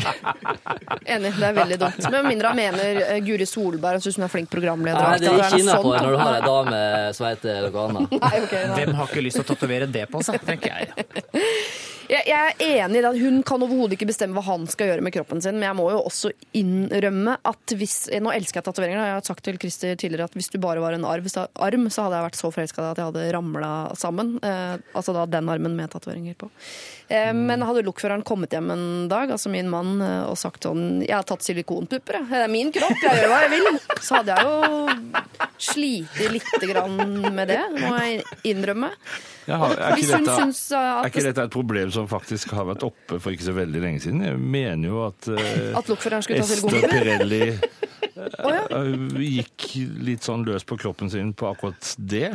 Ja, Og det, det ble ikke så godt mottatt, tror jeg, av, av, Frua, ja. av fruen. Men, men nå skal ikke jeg si for mye, jeg bare har et sånn vagt minne om at jeg tror faktisk det er prøvd. At en mann tar silikonpupper? Ja. Ja. Ja, det blir jo ikke det samme som en tatovering, men jeg bare tenker hvis du har så sterk liksom, eh, forakt for eh, tatoveringer at du omtrent ikke orker å se kjæresten din naken med tatoveringer, så er det klart det er en utfordring for eh, forholdet. Og da er det jo rart, det er rart å velge å ta tatoveringer hvis du vet at kjæresten din hater det, syns det er stygt, kaster opp av det. Så selv om jeg er Men igjen så vil jeg bli litt sånn der, vet ultimatum du hva, jeg gjør hva jeg vil med, med min kropp, altså. Virkelig. Det er jo når du er 18 år, jeg tenker sånn ok, vi har et kjempesolid forhold, og jeg skal ikke banalisere det at man er kjæreste når man er 18, virkelig Nei. ikke. Men uh, det er noe sånn at man, man modnes over tid, og lærer seg å leve med Men da sier du at tatoveringer er viktigere enn den kjærligheten. Nei, det sier jeg ikke. Jeg sier liksom at de valgene man tar, må, eh, må man respektere at den andre står inne for. Men altså, hvis han kommer og sagt sånn Hei, jeg skal bli nynazist, jeg. Kanskje jeg har sagt nei, det kan du ikke. Det, da er det slutt. Ja. Men for, for andre, men det seg jo. hender, det hender jo at kjæresten vår gjør ting som vi rett og slett som fører til at vi ikke kan være sammen med dem lenger. Ja. Altså det, det skjer jo, så ja. Slutt å vaske seg er en dårlig ting. Det er veldig Altså, dårlig ting. Ja, hvis Og fører ofte til brudd. Nettopp. Men jeg har veldig lyst til å gi Christer min, eh, mitt, eh, min støtte her på Begynn i det små, da. Altså hvis Enig. du som skal tatovere deg, eh, gutt, har lyst på hele armen, begynn i det små. Så ser du åssen det går. For når du skal tatovere, så bør det vel helst være jeg har veldig lyst på den hodeskallen. Det skal ikke være sånn jeg vil ha tatovering eh, generelt. Nei, men altså, Noen tatoverer seg bare for å gjøre det. det er ting. Ikke alt trenger å bety noe. Eh, Og det kan godt være altså, en kokaboks med en drage som popper ut av den. Det er greit, men jeg tenker bare man kan begynne å bygge etter hvert og se liksom an det, for det er gøy. Det er som med Lego. Ja. Begynn med en liten rosa teddybjørn helt oppe på skuldra. Bitte liten rosa Bitte teddybjørn. Den må være veldig, veldig liten. Sånn føflekkaktig, egentlig. Åh, jeg syns dette er eh, litt vanskelig, for jeg er jo imot å stille ultimatumer. Og så er jeg for at man skal få lov til å gjøre hva man vil med kroppen sin, men så er jeg også for at man skal inngå kompromisser osv. Når jeg var 18 år, så var jeg sammen med en annen fyr enn han jeg er sammen med nå. Og jeg stilte han et ultimatum. Og da sa jeg hvis du røyker hasj mens vi er sammen, så går jeg fra deg. Og jeg kommer ikke til å gidde å gjøre det slutt engang. Jeg bare går fra deg. Får finne ut av det sjøl. Så sa han å ja, eh, så det, du går fra meg hvis jeg gjør det. Så, det er ikke, da, det, så viktig var det forholdet, liksom. Så sa jeg nei, men da vet du jo det, da. Så hvis du setter deg ned og tenker at, eh, at du legger forholdet på hoggestabben og tar deg en, og røyker litt hasj allikevel, så sier det noe om hvor viktig du syns hasj er i forhold til vårt forhold. Så da, eh, Han påsto at han ikke røyket hasj så lenge vi var sammen, men idet jeg gjorde det slutt, så feiret han da med en uke i hasjrus. Det skal jeg innrømme. På min epletobakkvannpipe som jeg hadde kjøpt i Egypt. Fy søren. Ja, ja. Så eh, du skal vite hva du gjør også. Hvis du sier nei til tatoveringer nå, så kan vi ha med et eh, fremtidig tatoveringsmonster å gjøre hvis, du, hvis det blir slutt en dag. Men du kan ikke bestemme over hans eh, kropp. Men det er klart at du kan jo eh, prøve en gang til å si noe om hva du syns om dette med tatoveringer. Lykke til! Lørdagsrådet På P3. P3. Stoppa han? Men hvordan, det er vanskelig Vet dere hva? å si vet du hva, Kanskje de Christer. Gaute, Bjørn. Ja. Dere er den mest skravlete gjengen jeg har hatt som rådgivere. Ja, men det, er, jeg, det kommer dit. Det virker streng nå når jeg sier det. Det er altså så koselig å sitte og høre på dere. Dere tror jeg ikke hører, for jeg sitter bak en miksepult med øreklokker og sånn, men jeg får dere rett inn på øret. Det er så koselig. Skal dere ut og drikke kaffe sammen etterpå? Vi skal være sammen for alltid, vi nå. Ja.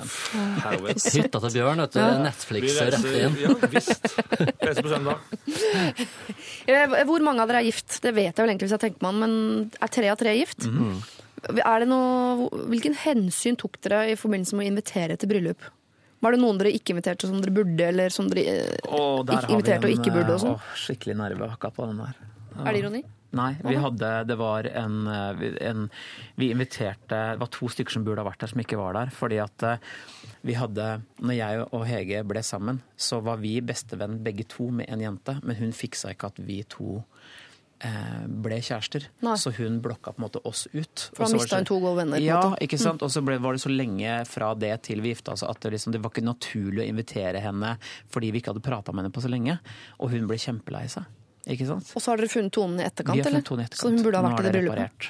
Ikke sant? Men nå er det greit. Ja. Men igjen, vi mista også en, hen, altså en, en felles venn igjen av henne, som også var fordi at hvis Vi måtte invitere begge to hvis Skjønner. Veldig vrient. Ja.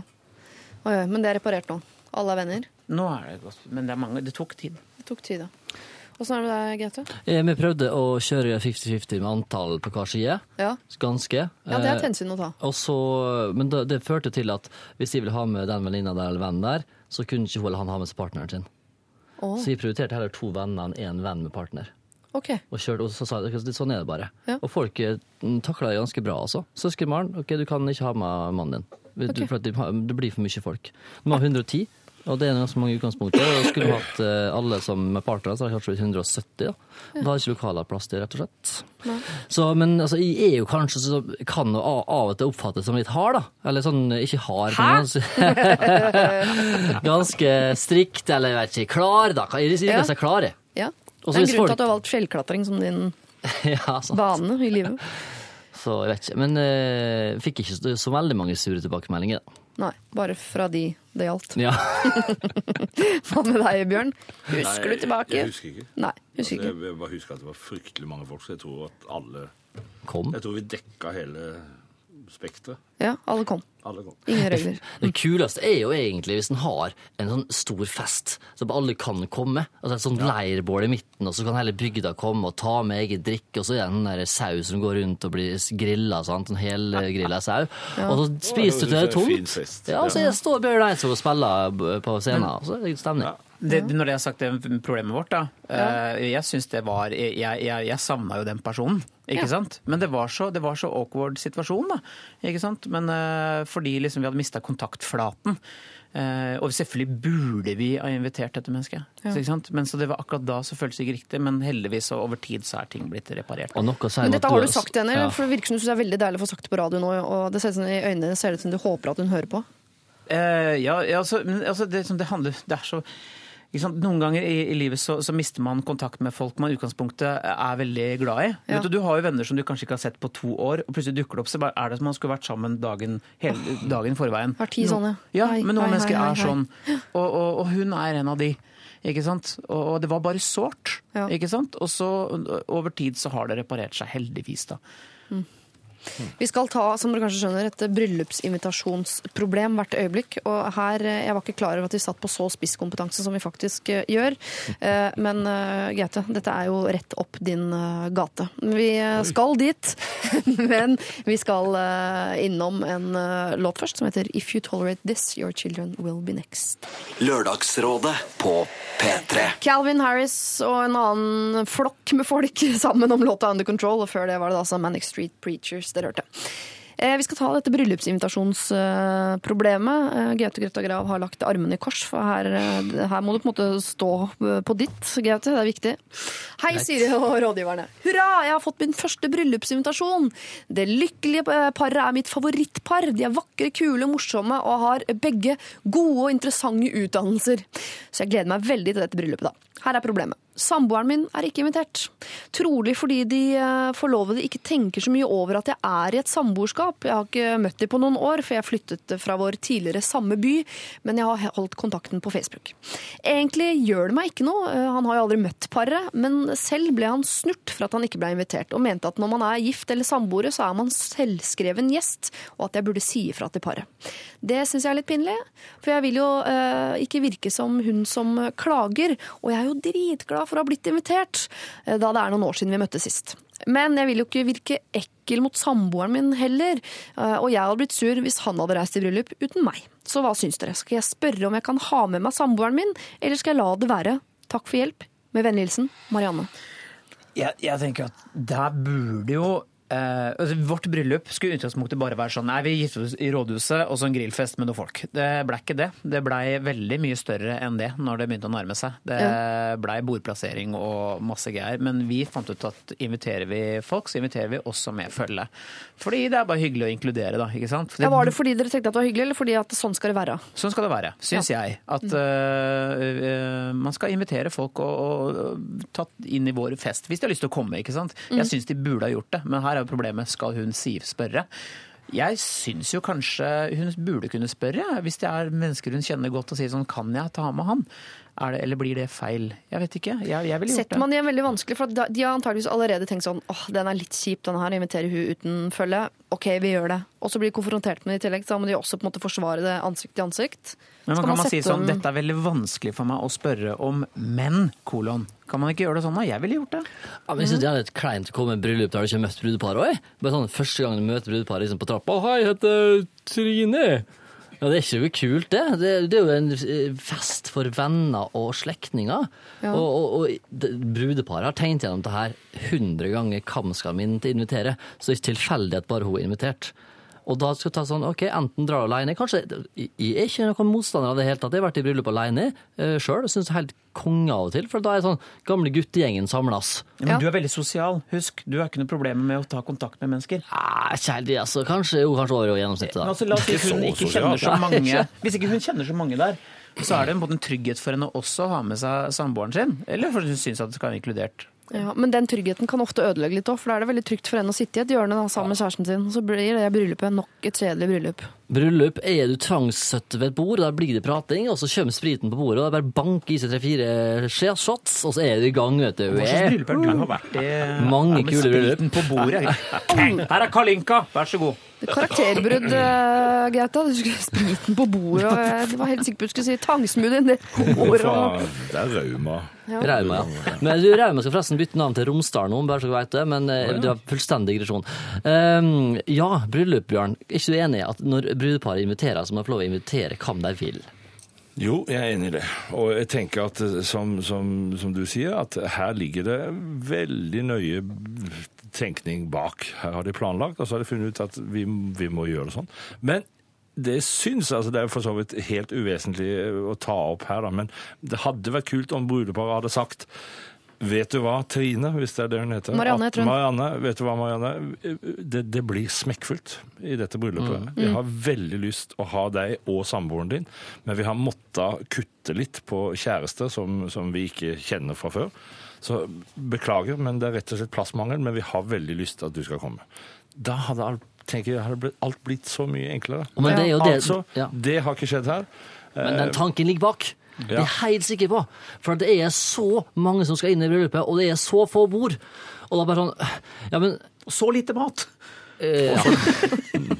Men Og så sauen ble lite ikke stor. sprit! Men hva om eh, Jeg også tror at de har tenkt veldig mye gjennom dette, her, så det er ikke tilfeldig at samboeren ikke er invitert osv. Men hva om de som skal gifte seg, har glemt dette med den samboeren? Så hvis Marianne bare sier sånn eh, Unnskyld, jeg vil bare si fra om at jeg har en samboer, så er det sånn Å, men herregud, selvfølgelig. Ta han med. Nei, men Null hør da. stress. Det verste du kan få, er jo nei. Men jeg er litt enig med, med det Bjørn sa også. Så jeg, jeg, vet, jeg vet ikke helt. Jo, men jeg har et forslag da, til en minnelig løsning her. For at det, det finnes jo altså Det er jo veldig sjelden 100% ja på alle gjestene. Alle, Alt noe som ikke kan og sånne ting. Så det kan svare sånn Hei, ja, jeg, jeg, vi kommer selvfølgelig veldig gjerne. Men, jeg gjerne, men eh, hvis det er mulig å få med samboeren min, så har det vært helt konge. Så hvis du kan sette opp han på ventelista, så har det vært eh, med i hermetegn, liksom, så setter jeg stor pris på det. Hvis ikke tante Olga kan likevel, eller hvis det viser at hun har en plass ekstra.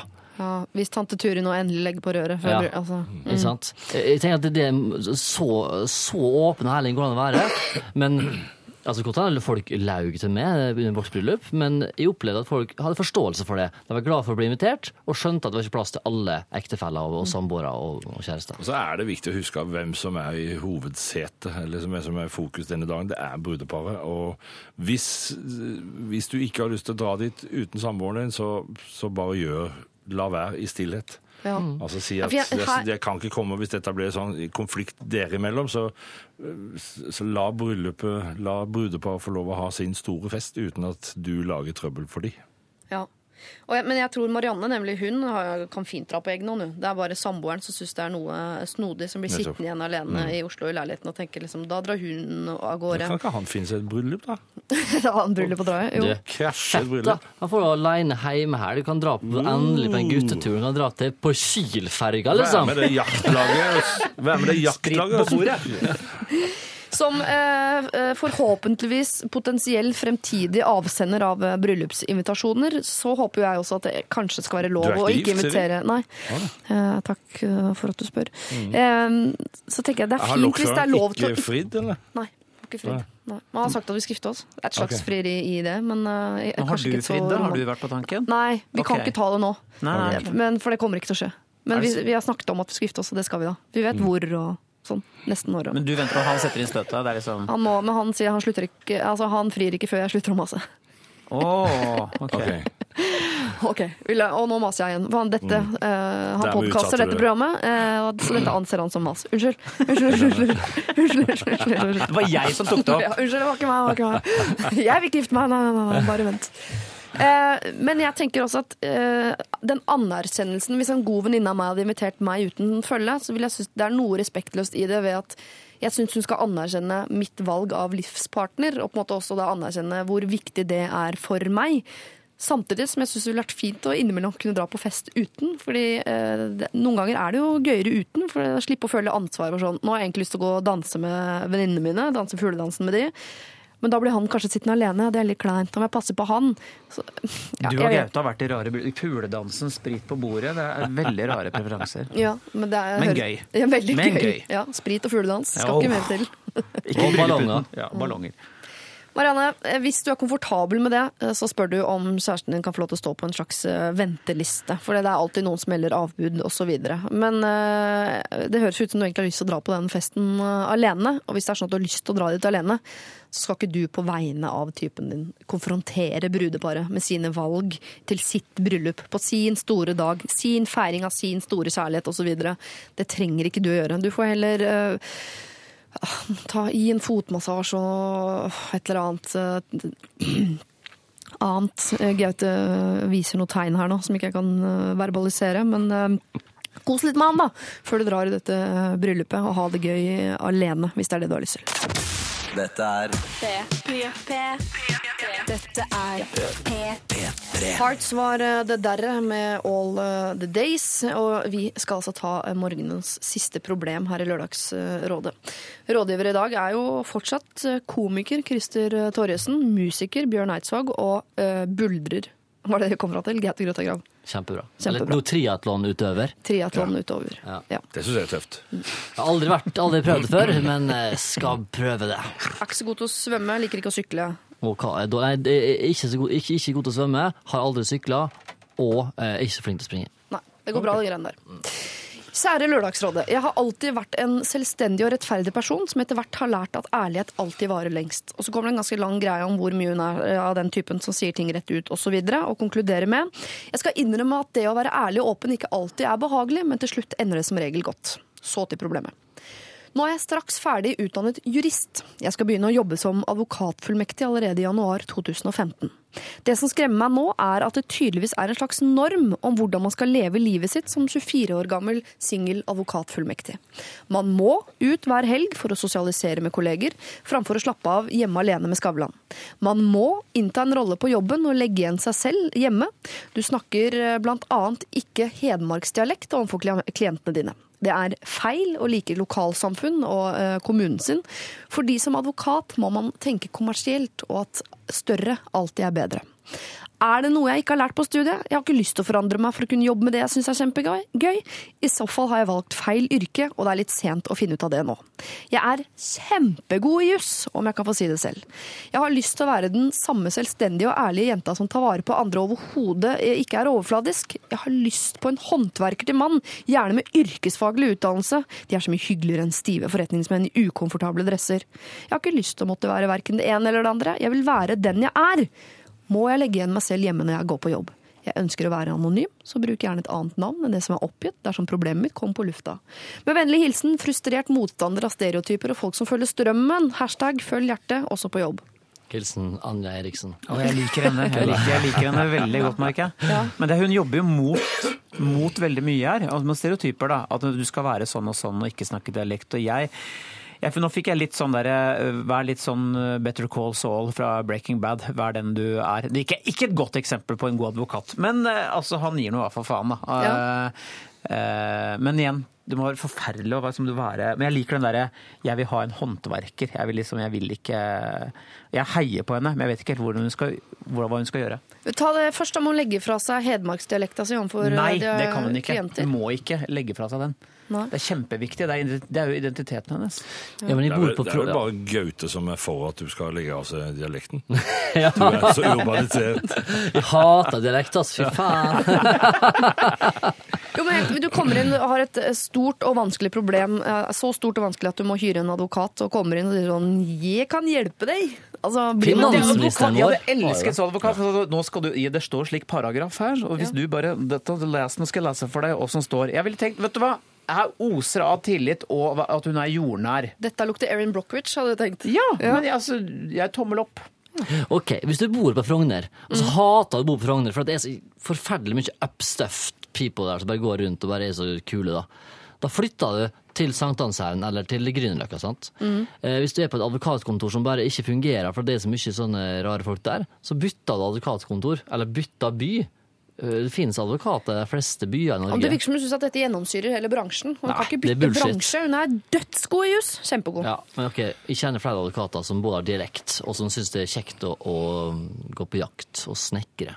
Ja. Jo bedre jurist du er, jo mindre bryr du deg om hvordan du skal te deg. Godt poeng. Og, og, og de der som legger på legger sånn, altså presser deg til å være stereotyp, det er de som er dårligst i juss og tror at kodene handler om noe helt annet. Mm. Innenfor min bransje så kommer du som også er utsatt for hva skal jeg si, altså masse rådgivere som forteller deg hvordan du skal være, og hvordan du skal være kledd, og hva du skal si, og hvor du skal opptre, og alt sånne ting, så kommer du alltid lengst ved å gjøre det du har lyst til. Og Ja. vær deg sjøl. Altså, det, det, det er så dumt å si det, for det er så mange som sier det, men, men det er rett og slett det du kommer lengst på. Vær deg sjøl. Hvis du ikke er deg sjøl, så får du ikke tillit, får du ikke kred, og da har du på en måte tapt. Da er du bare en av de som ja, som altså wannabes-folka. Og hvis jeg spør, jeg tror hvis jeg går på gata nå og spør, eh, si navnet på en advokat, så vil eh, en eh, av to svare Staff, og den andre av de to vil si Mona Høines. Er det stereotype kjedelige folk som går ut i dress og aldri gjør noe gærent? Eller er det folk som ligger halvnakne på panseret av en bil og syns at pedofili er helt innafor? Jeg bare spør. Jo, men det må være plass til hedmarksdialekt hvis det er plass til folk som Kjør i hedmarksdialekt. rettsvesenet, altså. Det er det som er problemet med den nye regjeringa vår nå. De ser jo ut, alle er jo helt like. Det er jo noen kjedelige folk. Mens før så kunne vi liksom banke på. Folk så litt rare ut, var litt outrerte, hadde litt dialekt og var litt, hadde litt personlighet og sjel. da. Ja. Altså, det er jo noen rare i denne regjeringa òg. Ja, det, kommer jo det, det, det vokser på deg, det er sant det. Ja, det gjør virkelig det. Dukker opp noen historier der etter hvert, Ja, antagelig. det Jeg jeg. syns Bjørn eh, svarte veldig godt på det. Eh, er du god nok jurist, så, så er du det. Uavhengig av dialekt og sosiale koder. Så hun må bare tro på seg selv og fortsette å være den hun er. Så straks hun havner i den der mølla at jeg må være som alle andre, da. Det er to veier fram uansett eh, bransje. Det er enten å uh, fake og gjøre som alle rådgiverne sier, og bare uh, gjøre det alle andre gjør, og gjøre ting uh, Og da på blir papiret du riktig. en fake. Eller så er du deg sjøl og er ordentlig dyktig på det du driver med. Det kan ta litt lengre tid, men du kommer like langt og antageligvis lenger, og med æren i behold og integriteten i trusa. Og jeg skal gjøre det. Ja. Men den alternative nummer tre, det ligge seg til topps, er det, det er Ja, det funker alltid. Ja, det funker. Det funker alltid. Med dialekt. Kommer an på sjefen. Kommer an på sjefen.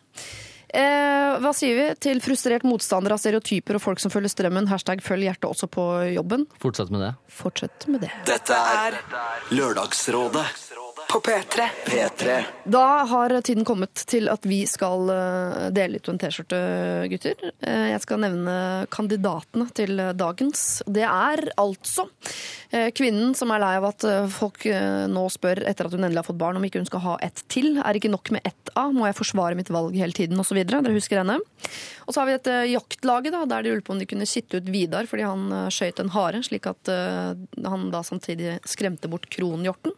Kan vi sitte han ut av jaktlaget, var spørsmålet der.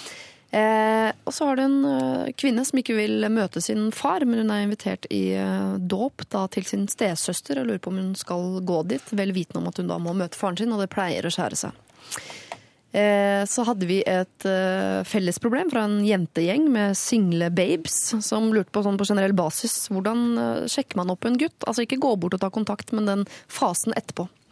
Tatoveringsproblem har vi også tatt. En gutt som vil ta tatovering over hele armen. Eh, Dama vil ikke ha noe av det. Kan hun være med å bestemme eller ta den avgjørelsen? Så har vi eh, bryllupsinvitasjonsproblematikk. Altså, en jente har blitt invitert til bryllupet, men uten følge. Er det greit? Det syns ikke typen hennes. Må hun konfrontere brudeparet? Eh, Og til slutt eh, Erin Brockridge her, altså en eh, jente med hedmarksdialekt som er redd for at hun må ikke bare legge fra seg dialekta, men hele seg og sitt idet hun går inn i advokatyrket. Nei, var vel kort svaret på det. Hvem, hvem fortjener T-skjorta? Nei, men eh, ja, jeg skal ikke begynne. Jeg kan ikke begynne, Christer? Jeg syns kanskje ikke noe problem er viktigere enn andre, men i mitt hode så var det et som veide litt tyngre, da. Og det var dette med faren og barnedåpen. Forholdet til eh, faren sin, som er, er blytungt. Og, og hun har mye utfordringer, og jeg heier veldig på henne. Så jeg, jeg syns at hun skal få T-skjorte. Jeg syns det er et veldig godt alternativ. Og kan jeg, men jeg vil òg heie litt på siste advokatdama, som uh, trenger å få litt oppmuntring for å holde seg på den rette kjøl, og ikke bli som alle andre. Altså, jeg støtter mine medrådgivere 100 her. Men vi må kanskje ta et valg, da. Ja. Ja, For vi hipser meg på en av de to helt samme. Men Da bestemmer du, Bjørn. Er det litt deilig? eller? ja, kan ikke du være sånn overdommer nå? Du tar ordet. Oh, Du er eldst og tusen mest hjertelig takk. Tusen, dette, dette ser jeg på som en ære. Ja. Da vedtar jeg at du som har blitt invitert i bryllup av søstera di, men som ikke har lyst å møte faren din Ja, og dåp, ja. Jeg trodde du slang en tredje Unnskyld. inn i for Det hadde vært morsomt, så du bare Dåp var det- avfeide dåp var det, altså, Ja. Jeg fulgte ikke med når det problemet var oppe. Jeg Nei. aner ikke hva det handler om. Det er, det er, det er du som får T-skjorta. Bra! Altså, en T-skjorte er på vei til eh, deg, men er det en forutsetning da at hun går i den dåpen, eller er hun fortsatt uh, hun, Forutsetning at hun bare ikke lar faren gå så imsk inn på henne. at han skal få lov, ikke få lov til å diktere hennes liv eh, herfra ut. Hun er 40. De neste 40 nå bestemmer sjøl. Den skjorta har den på, så er det sånn rustning.